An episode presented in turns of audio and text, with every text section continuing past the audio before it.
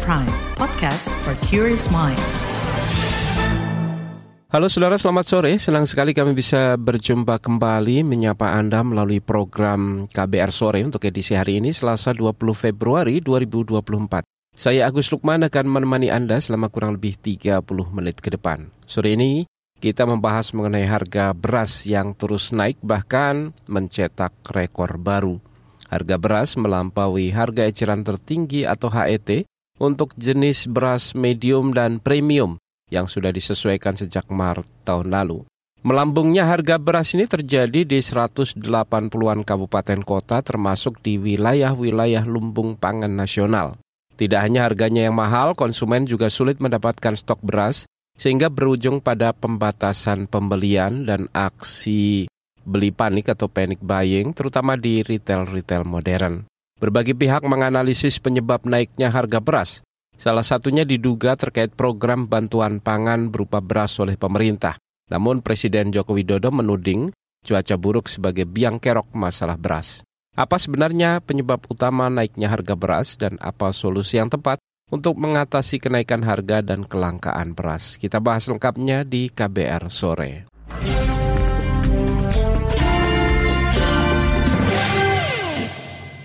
Saudara harga beras premium saat ini naik 3,8 persen atau naik lebih dari 600 rupiah per kilogram dibandingkan harga hari Senin kemarin. Hari ini harga beras premium ada di level 16.700 rupiah per kilogram.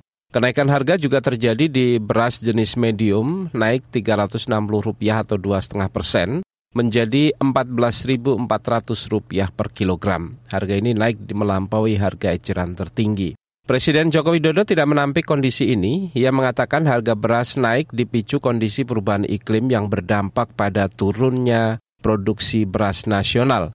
Ia juga membantah tudingan yang menyebut jor-joran bantuan sosial beras yang menyebabkan harga beras naik. Ada hubungannya sama sekali harga, karena justru ini yang bisa mengendalikan, karena suplainya lewat bantuan sosial ke masyarakat, sehingga justru itu menahan harga tidak enggak ya? Naik kalau enggak justru melompat. Ada ini ini ini, ini rumus supply dan demand. Dugaan kenaikan harga beras akibat bansos sebelumnya disampaikan Direktur Utama Badan Urusan Logistik Bulog Bayu Krisnamurti dan Kepala Dinas Perindustrian dan Perdagangan Daerah Istimewa Yogyakarta Syam Ari Jayanti. Penyaluran bantuan beras sejak tahun lalu terus berlanjut pada tahun ini termasuk pada saat stok menipis sebelum panen raya yang diperkirakan mundur menjadi Maret atau April nanti. Bantuan pangan beras merupakan program pemerintah berupa penyaluran beras yang bersumber dari stok cadangan pemerintah yang dikelola Bulog. Program ini merupakan salah satu pemanfaatan dari cadangan beras pemerintah sesuai amanat Presiden mengenai pengelolaan cadangan pangan pemerintah. Di lain pihak, Saudara Kementerian Pertanian mengakui volume panen pada akhir kuartal pertama tahun ini belum maksimal. Direktur Jenderal Tanaman Pangan di Kementerian Pertanian Mohi Ismail Wahab mengatakan lahan pertanian masih terganggu cuaca ekstrim El Nino. Perlu saya ingatkan lagi hati kita mengatakan bahwa kondisi kita memang produksi kita kondisi 2024 2000 akhir 2023 awal 2024 tidak bisa kita pungkiri karena faktor kondisi yang terjadi di negara kita atau di, di dunia ini ada terjadi gejala El Nino ini tidak bisa kita pungkiri dan tidak bisa kita hindari. Akibatnya terdampak kepada produksi. Jadi kalau kondisi memang kondisinya El Nino yang menyebabkan menurunnya potensi curah hujan atau curah hujan rata-rata tahunannya, maka konsekuensinya adalah tidak bisa tanam, ya produksi konsekuensinya turun ini supaya kita ingatkan dulu bahwa memang kondisi produksi ya karena memang iklim bukan karena petani atau kita tidak karena memang iklimnya agak sulit. Meski begitu, Saudara Menteri Pertanian Andi Amran Sulaiman memastikan akan fokus menggenjot produksi beras pada paruh kedua tahun ini. Walaupun anggaran belanja tambahan dari Kementerian Pertanian pada tahun lalu sebesar lebih dari 5 triliun rupiah tidak direalisasikan. Amran Sulaiman mengatakan akan berkomitmen melakukan refocusing anggaran belanja untuk meningkatkan produksi beras dalam negeri. Anggaran yang tidak produktif akan dialihkan untuk pembelian benih karena hujan sudah mulai turun. Tidak hanya itu, Kementerian Pertanian juga akan membenahi pasokan pupuk bersubsidi yang biasanya sebanyak 9,5 juta ton namun merosot pada tahun ini menjadi hanya 4,7 juta ton. Kementerian Pertanian juga akan melakukan pompanisasi di tiga provinsi yaitu Jawa Tengah, Jawa Timur, dan Jawa Barat untuk mengairi lahan persawahan. Selain itu ada rencana pemerintah menggarap lahan rawa di luar Jawa seperti di Kalimantan, Sumatera Selatan, Kalimantan Selatan, dan Kalimantan Tengah. Di sisi hilir, saudara, Badan Pangan Nasional Bapanas melakukan pengendalian harga dan pasokan beras melalui upaya stabilisasi harga dan pasokan pangan di retail-retail modern. Sebelumnya di retail modern konsumen mengeluhkan kelangkaan beras premium serta adanya pembatasan pembelian yang memicu aksi borong atau panic buying.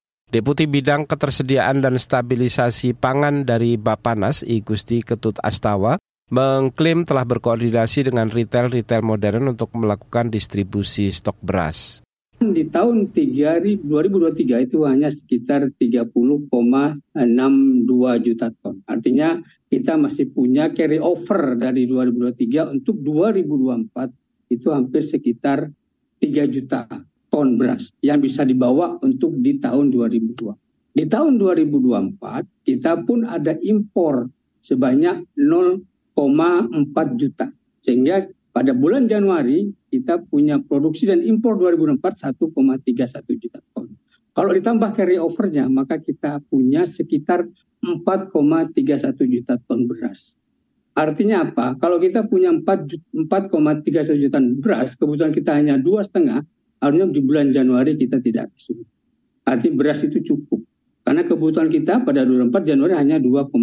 Jadi kalau carry overnya tadi 3,6 maka akan ada 4. Sekarang kita kurang mempunyai pencatatan terhadap logistik ini. Logistik ini artinya ke mana larinya dari 3,2 ini sehingga beras kita sampai pun masih cukup mahal dan sekarang kondisinya begitu agak sedikit agak sulit karena tadi mungkin bukan masalah tidak ada beras tetapi ada perpindahan stok beras kita yang semula ada di retail-retail sudah berpindah ke rumah tangga produsen atau rumah tangga konsumen. Dengan rakor kemarin sudah diambil langkah-langkah dan sedang berkembang pasokan kepada retail modern sehingga retail modern sudah menyepakati untuk mengajukan PO kepada uh, Bulog sesegera mungkin sehingga harapan kita uh, beras di retail modern khususnya beras SPAP sudah ada. Itu tadi Saudara Deputi Bidang Ketersediaan dan Stabilisasi Pangan di Badan Pangan Nasional Igusti Ketut Astawa. Pada kesempatan yang sama, Saudara Deputi Bidang Statistik Distribusi dan Jasa di Badan Pusat Statistik BPS, Puji Ismartini, mengatakan kenaikan harga beras sudah meluas ke 180-an kabupaten kota di Indonesia sepanjang pekan lalu. Ia mengingatkan agar pemerintah waspada terhadap produksi beras pada rentang waktu antara Januari hingga April karena berpotensi produksinya jauh lebih rendah dibandingkan periode yang sama pada tahun lalu. Saudara kenaikan harga beras sudah terjadi sejak Agustus 2022 dan terus memecahkan rekor baru. Pemerintah selalu menuding penyebab utama adalah perubahan iklim Lalu apa saja persoalan mendasar ketahanan pangan nasional? Kami akan hadirkan laporan khas KBR usai jeda berikut, tetaplah di KBR Sore.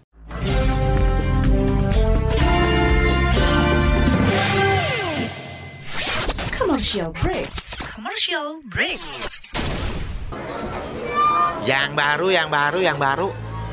Tidak ada yang lebih baru dari kabar baru. Cukup 5 menit bisa perbaharui informasi kamu. Cukup 5 menit berita terbaru ada di genggamanmu. 5 menit sayang untuk dilewatkan karena kabar baru diramu dengan kualitas jurnalistik terbaik didukung puluhan reporter dan kontributor di Jakarta dan berbagai kota di tanah air. Simak hanya di kbrprime.id.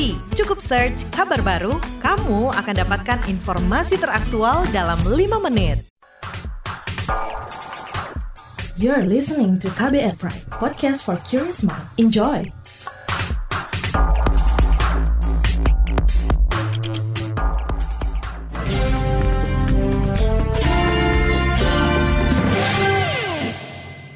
Saudara, harga beras semakin mahal dan langka di pasaran. Pemerintah selalu berdalih kondisi ini akibat fenomena kekeringan El Nino yang melanda dunia termasuk Indonesia dan mengakibatkan produksi pangan turun. Tapi ada permasalahan mendasar yang perlu menjadi perhatian pemerintah. Apa itu? Simak laporan khas KBR yang disusun Astri Yuwanasari. Masalah pangan masih menjadi isu penting yang saat ini harus diselesaikan pemerintah. Semisal soal beras yang stoknya semakin langka dan harganya terus meningkat. Menurut Deputi Bidang Statistik, Distribusi dan Jasa Badan Pusat Statistik BPS Puji Ismartini, rata-rata harga beras di Indonesia 14 ribuan rupiah per kilogram. Kenaikan harga beras mencapai 2,93 92 persen dibandingkan dengan Januari 2024-nya. Dan harga beras ini uh, di minggu ketiga Februari 2024 mencapai uh, secara rata-rata adalah sebesar Rp14.380 per kilogram dan kenaikan uh, berharga beras ini terjadi di 179 kabupaten kota. Pemerintah mengeklaim kelangkaan stok dan tingginya harga beras saat ini masih disebabkan fenomena El Nino. Akibatnya, produksi beras dalam negeri menurun. Presiden Joko Widodo bahkan membantah jika kelangkaan beras terjadi karena bantuan pangan pemerintah yang dilakukan jor-joran dalam masa kampanye pemilu 2024. Yang pertama ya kita tahu ada kenaikan harga beras di seluruh negara, bukan hanya di Indonesia saja. Pertama. Yang kedua kita ingin memperkuat daya beli rakyat yang di bawah. Dan itu sudah dilakukan misalnya bantuan pangan beras itu sudah sejak September. BLT itu karena ada El Nino kemarau panjang sehingga juga ini uh, untuk memperkuat daya beli masyarakat sehingga diperlukan. El Nino memang berdampak pada ketahanan pangan di berbagai negara di dunia termasuk Indonesia. Namun itu bukan satu-satunya faktor. Masih ada masalah lain yang perlu diselesaikan dan diperbaiki untuk mewujudkan ketahanan pangan. Pengamat pertanian sekaligus guru besar IPB Dwi Andrea Santosa menyebut terjadi penurunan produksi padi secara nasional dalam satu dekade. Situasi itulah yang menyebabkan kecenderungan peningkatan impor beras turunnya rata-rata satu persen tiap tahun selama uh, 10 tahun terakhir ini. Jadi uh, beras itu mengalami turun terus. Nah untuk itu kenapa kok akhirnya terjadi guncangan harga di tahun-tahun ini. Nah, ironis karena apa? Karena tahun 2022 yang lalu kita menerima penghargaan IRI kan. Tapi tahun 2023 langsung impor 3,3 juta ton kan ironis. Menurut Andreas, pemerintah sudah cukup meningkatkan infrastruktur pertanian, namun produksi masih terus menurun. Tetapi upaya pemerintah belum menyentuh masalah mendasar sampai batas-batas tertentu pemerintah sudah menyiapkan itu kan? Infrastruktur sebagian sudah diperbaiki ya. Ada waktu eh, lalu embung juga sudah dibikin. Dari situ sih sebenarnya oke. Okay. nah, tapi mengapa masih terus turun? Berarti ada hal yang lain ada masalah yang lain yang sementara ini uh, tidak terlalu diperhatikan oleh pemerintah. Masalah yang lainnya itu apa? Terkait kesejahteraan petani, Mbak. Itu kunci utama yang sering kali saya sebutkan. Andreas menyebut kesejahteraan petani bisa dilihat melalui nilai tukar petani NTP selama 10 tahun. 10 tahun terakhir ini NTP tanaman pangan itu hanya 101 enggak. 101 ya NTP yang sama sekali tidak ada maknanya untuk mengungkit kesejahteraan petani. Nah dari 10 tahun terakhir 5 tahun enggak. 5 tahun NTP di bawah 100 bisa dibayangkan. Kalau NTP di bawah 100 maknanya apa? Petani nanam, nanam padi tapi rugi, beli rugi. Data hasil sensus pertanian 2023 tahap pertama menunjukkan jumlah rumah tangga usaha pertanian RUTP Gurem atau petani gurem meningkat 10 tahun terakhir. Jumlah petani gurem bertambah 18,49 persen menjadi 16,89 juta dibandingkan 2013. Ini menunjukkan jumlah orang miskin dari sektor pertanian juga semakin bertambah. Eh, dan di mana pun selalu perhatian utama adalah kesejahteraan petani dulu. Dan karena kesejahteraan petani terus merosot, hasil akhirnya apa? Luas kepemilikan lahan yang dikuasai petani semakin merosot juga luasnya. Nah kalau luasnya merosot, kita mau bicara apa pun teknologi tinggi, inovasi, SDM, mau bicara berbagai pembangunan infrastruktur ujungnya apa? Ujungnya bentur tembok, nggak akan nggak akan ada efeknya sama sekali karena kunci terbesar tidak disentuh sama sekali. Pengamat pertanian sekaligus guru besar IPB Dwi Andrea Santosa meminta pemerintah merencanakan dan melaksanakan pembangunan pertanian dan pangan secara profesional.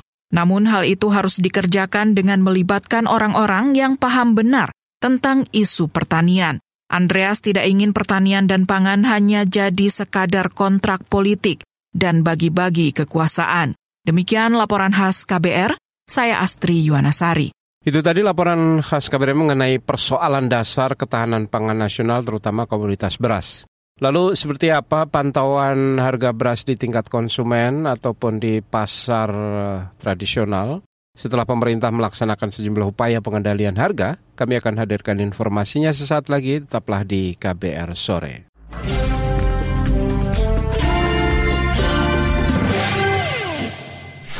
Commercial break. Commercial break.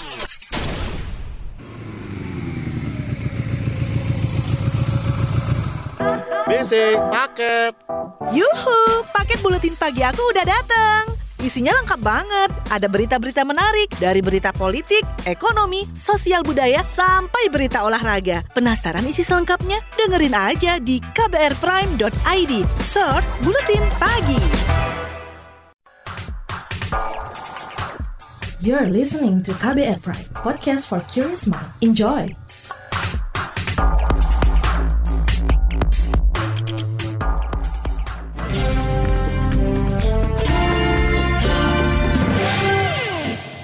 Terima kasih Anda masih bersama kami di KBR Sore.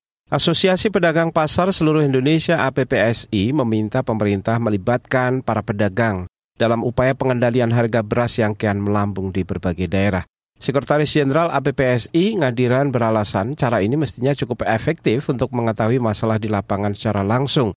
Ngadiran mendesak kebijakan ini segera dilaksanakan karena dinamika harga beras diprediksi akan terus naik menjelang bulan Ramadan yang akan jatuh bulan depan. Lalu apa solusi yang ditawarkan pedagang pasar? Berikut perbincangan Safira Aurelia bersama Sekjen Asosiasi Pedagang Pasar Seluruh Indonesia APPSI Ngadiran.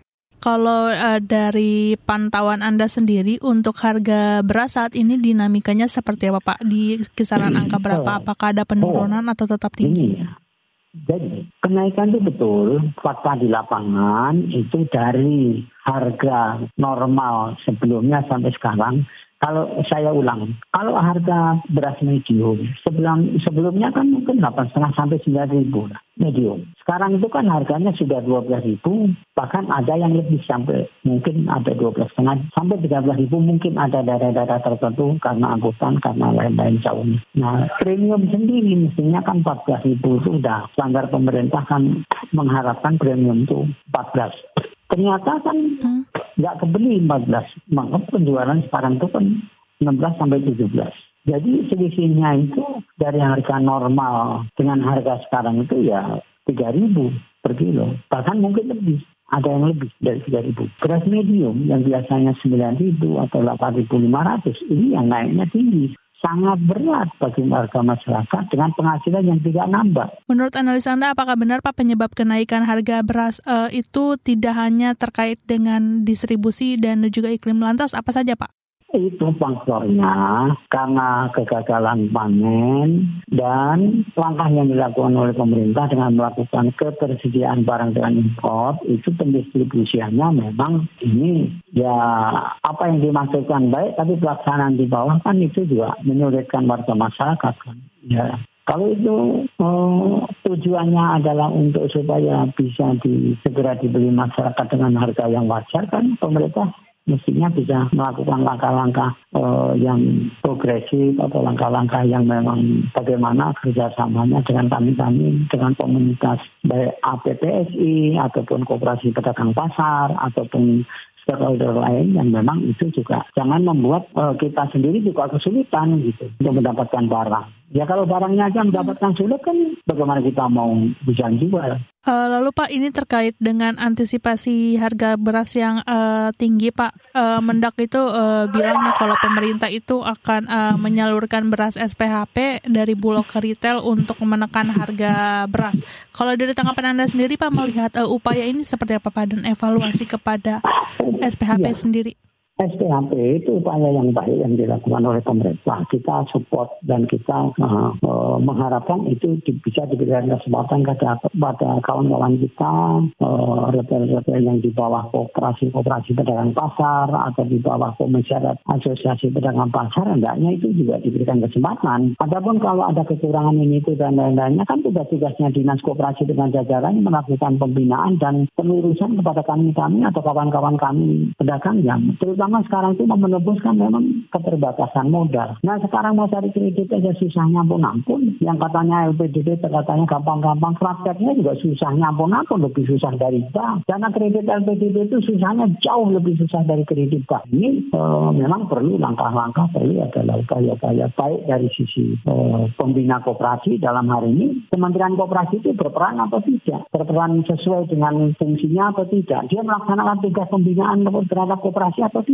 Ini bagaimana catatan dan desakan Anda kepada pemerintah untuk uh, segera menyelesaikan permasalahan terkait beras? Masalahnya itu kan bukan sejak bukan hanya periode zamannya Jokowi. Sebelum dulu kan kami sudah punya pengalaman. Kami itu kan mitranya pemerintah. Maaf ya, Kopas, Koperasi Pedagang Pasar itu sudah sejak lama jadi mitranya pemerintah yang baik. Kenapa sekarang tidak mendapatkan kepercayaan? Kenapa? Koperasinya jelek. Ya tugasnya ke dinas koperasi dengan Kementerian Koperasi memperbaikan koperasi, menyehatkan koperasi. Oh koperasi nggak punya modal, kekurangan modal, jadi upayakan gimana caranya dong? Jangan dibiarkan begini.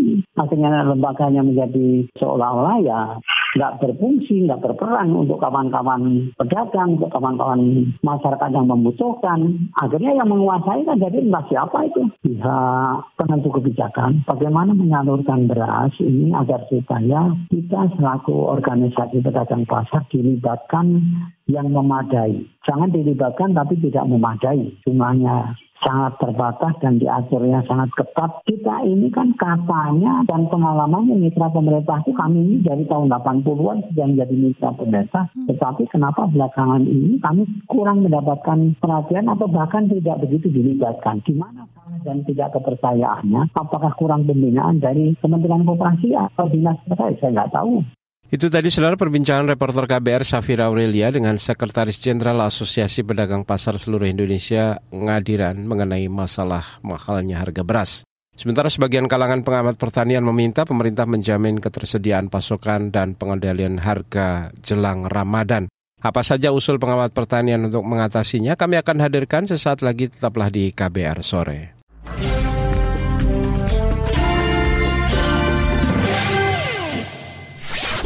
Commercial break. Commercial break. Tolong, tolong. Ada apa MJ? Spiderman tolong tangkepin orang ini. Aku habis kena tipu investasi bodong nih. Sekarang aku bangkrut. Oh alah, pasti belum dengerin uang bicara ya? Uang bicara? Apa itu? Podcast ekonomi dan literasi finansial dari KBR Prime Narasumbernya kredibel dan topiknya cocok banget buat anak muda kayak kita. Ada juga nih, topik biar nggak ketipu investasi bodong. Uang Bicara, menavigasi kamu supaya tetap cuan dari KBR Prime. You're listening to KBR Prime, podcast for curious mind. Enjoy!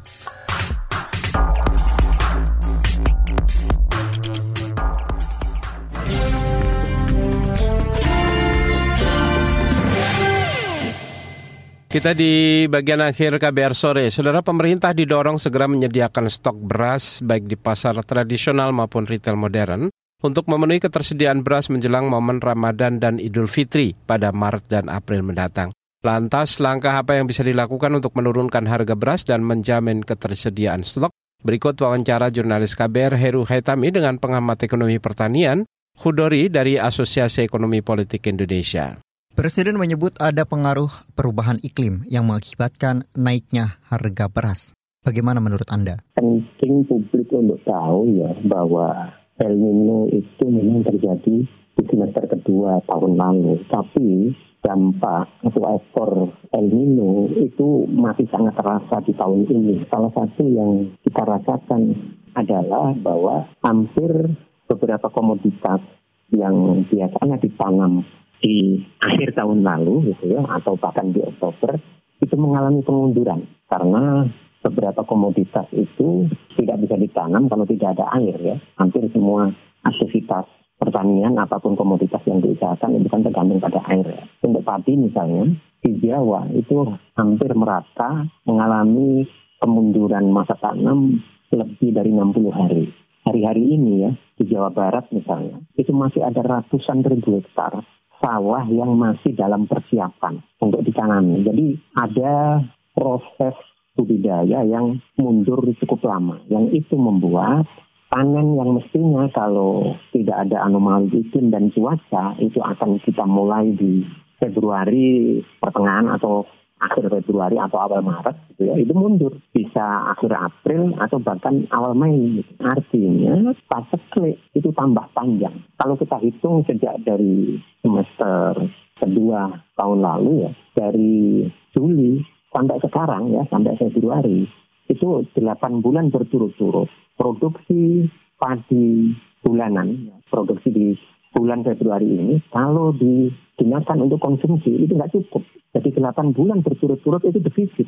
Sebetulnya bagaimana kondisi di lapangan? Kapan harga bisa diturunkan dan stok ada di pasar? Kalau kita ikuti data BPS, produksi Januari Februari tahun ini masih ada defisit 2,8 juta ton. Besar sekali. Di Maret itu baru akan ada surplus. Diperkirakan surplusnya 0,97 juta ton beras. Tapi surplus ini nggak besar. 0,97 itu hanya kira-kira cukup untuk konsumsi 13-14 hari dan surplus pertama kali seperti ini itu pasti akan jadi rebutan banyak pihak apakah pedagang, penggilingan, ya, penekas, dan dan seterusnya yang ujung-ujungnya sebetulnya kalau diharapkan akan ada penurunan harga gabah dan harga beras sepertinya belum. Kalau ditanya kira-kira harga gabah dan harga beras itu akan turun kapan? Agak sulit untuk menjawab. Kemungkinan mungkin Mei ya, jadi masih lama. Ini krusial karena di Maret kita ada Ramadan. Di April ada Idul Fitri. Dua momen itu selalu diikuti oleh kenaikan konsumsi. Sementara dua bulan itu kita masih paceklik. Jadi ini krusial kalau pemerintah tidak punya stok yang memadai untuk melakukan intervensi pasar. Itu tadi saudara perbincangan jurnalis KBR Heru Haitami dengan pengamat ekonomi pertanian dari Asosiasi Ekonomi Politik Indonesia, Hudori. Informasi tadi menutup jumpa kita di KBR sore untuk edisi hari ini, hari Selasa 20 Februari 2024. Saya Agus Lukman, kami undur diri. Sampai jumpa.